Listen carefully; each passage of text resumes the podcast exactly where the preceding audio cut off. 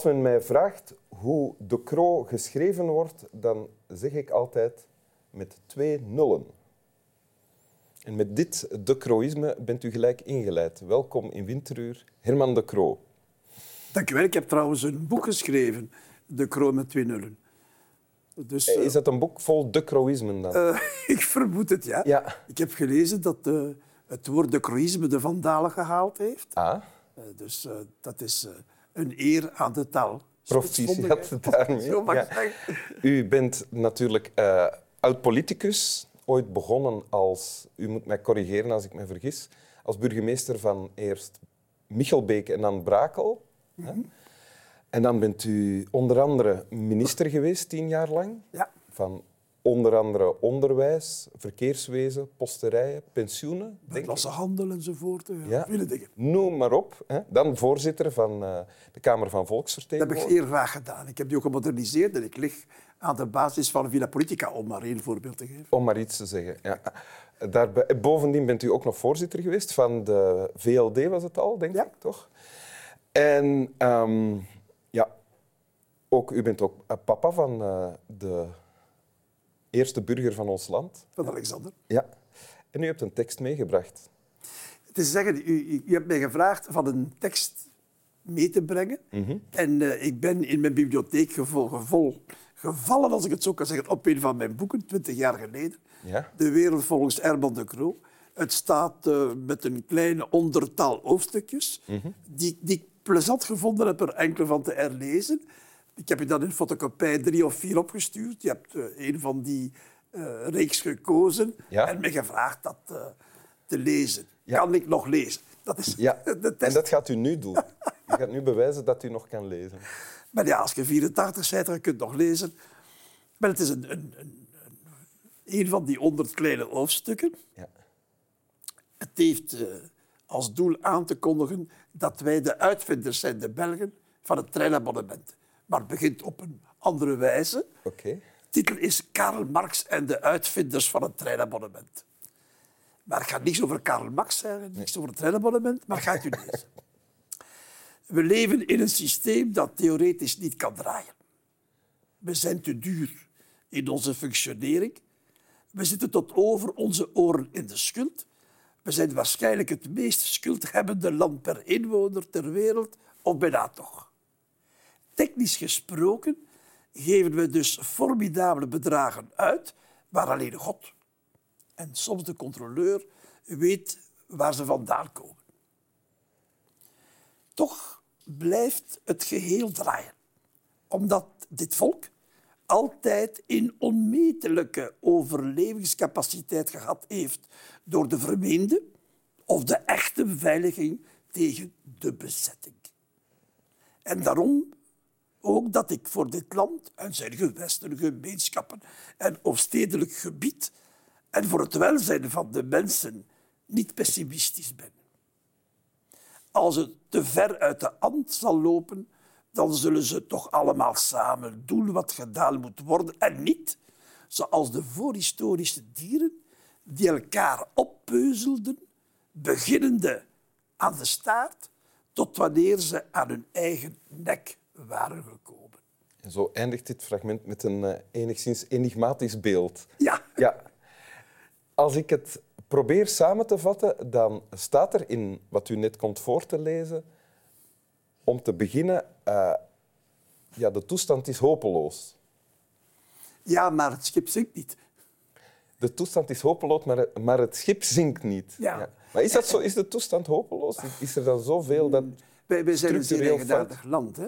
Uh, wij waren een goede eeuw geleden, houdt u vast, klein België, 30.000 vierkante kilometer, een beetje meer bevolkt dan New York. We waren de tweede economische macht des werelds. Na Groot-Brittannië, voor de Verenigde Staten. En in plaats dat de Chinezen kwamen sporen leggen in Europa, legden wij sporen in China. En legden wij sporen in Rusland.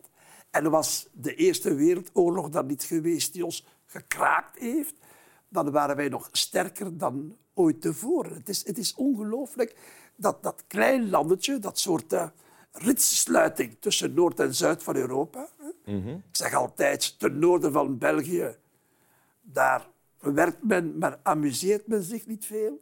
Ten zuiden van België, daar werkt men iets minder en amuseert men zich veel. En tussen de twee België werkt men veel en amuseert men zich veel. Dus het is een zeer eigenaardig land. En zelfs vandaag de dag, hè, als ik u zou zeggen welke stad des werelds, en er zijn ongeveer 200 landen, heeft het grootste aantal ambassadeurs? Brussel. Brussel. Wij, wij zijn een internationale draaischijf. We zijn wellicht de hoofdstad van de spionage van de wereld. Terzelfde tijd de hoofdstad van de beste restaurants. Omdat uw spionage met goede restaurants iets te maken heeft, het kan wel zijn. Wij zijn een zeer eigenaardig land. En we zijn altijd bezet geweest.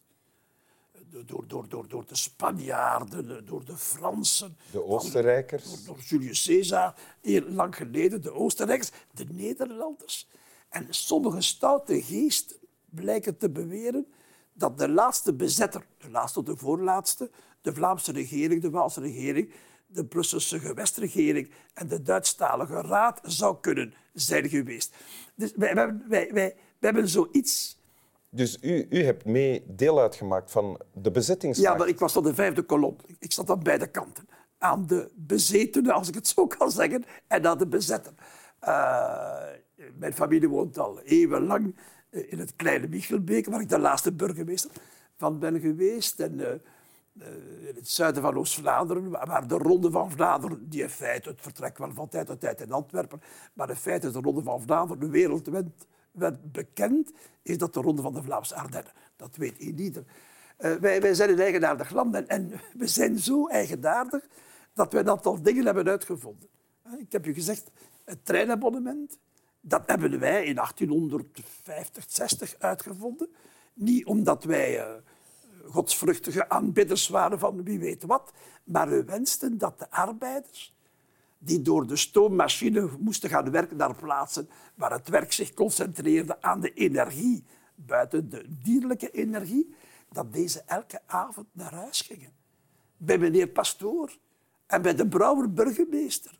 En dat ze geen Red Bells, geen Liverpools, Manchesters, uh, Rijssel en andere uh, corons, zoals men zegde, in de Borinage zouden maken. Maar naar huis pendelden.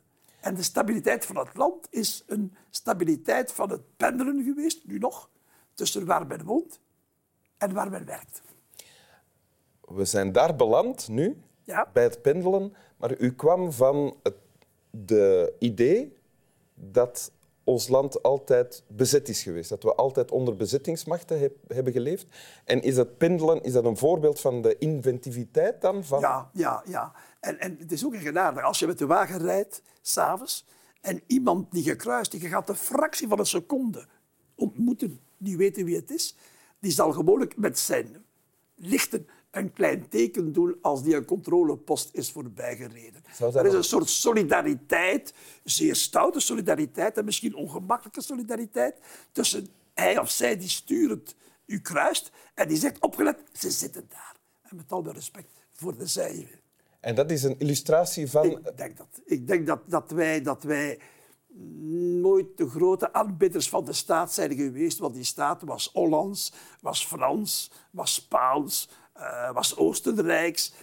Mm, en alles wat, wat iets met de staat te maken had of heeft, was een beetje bezettelijkheid. Als de Croïsme mag uh, u vertellen. Bezettelijkheid. Bezettelijkheid. En, ja. en dat geeft onze veerkracht, uh, dat geeft onze ingeniositeit, onze, ja, trek uw plan. U weet het verschil tussen Nederland en België.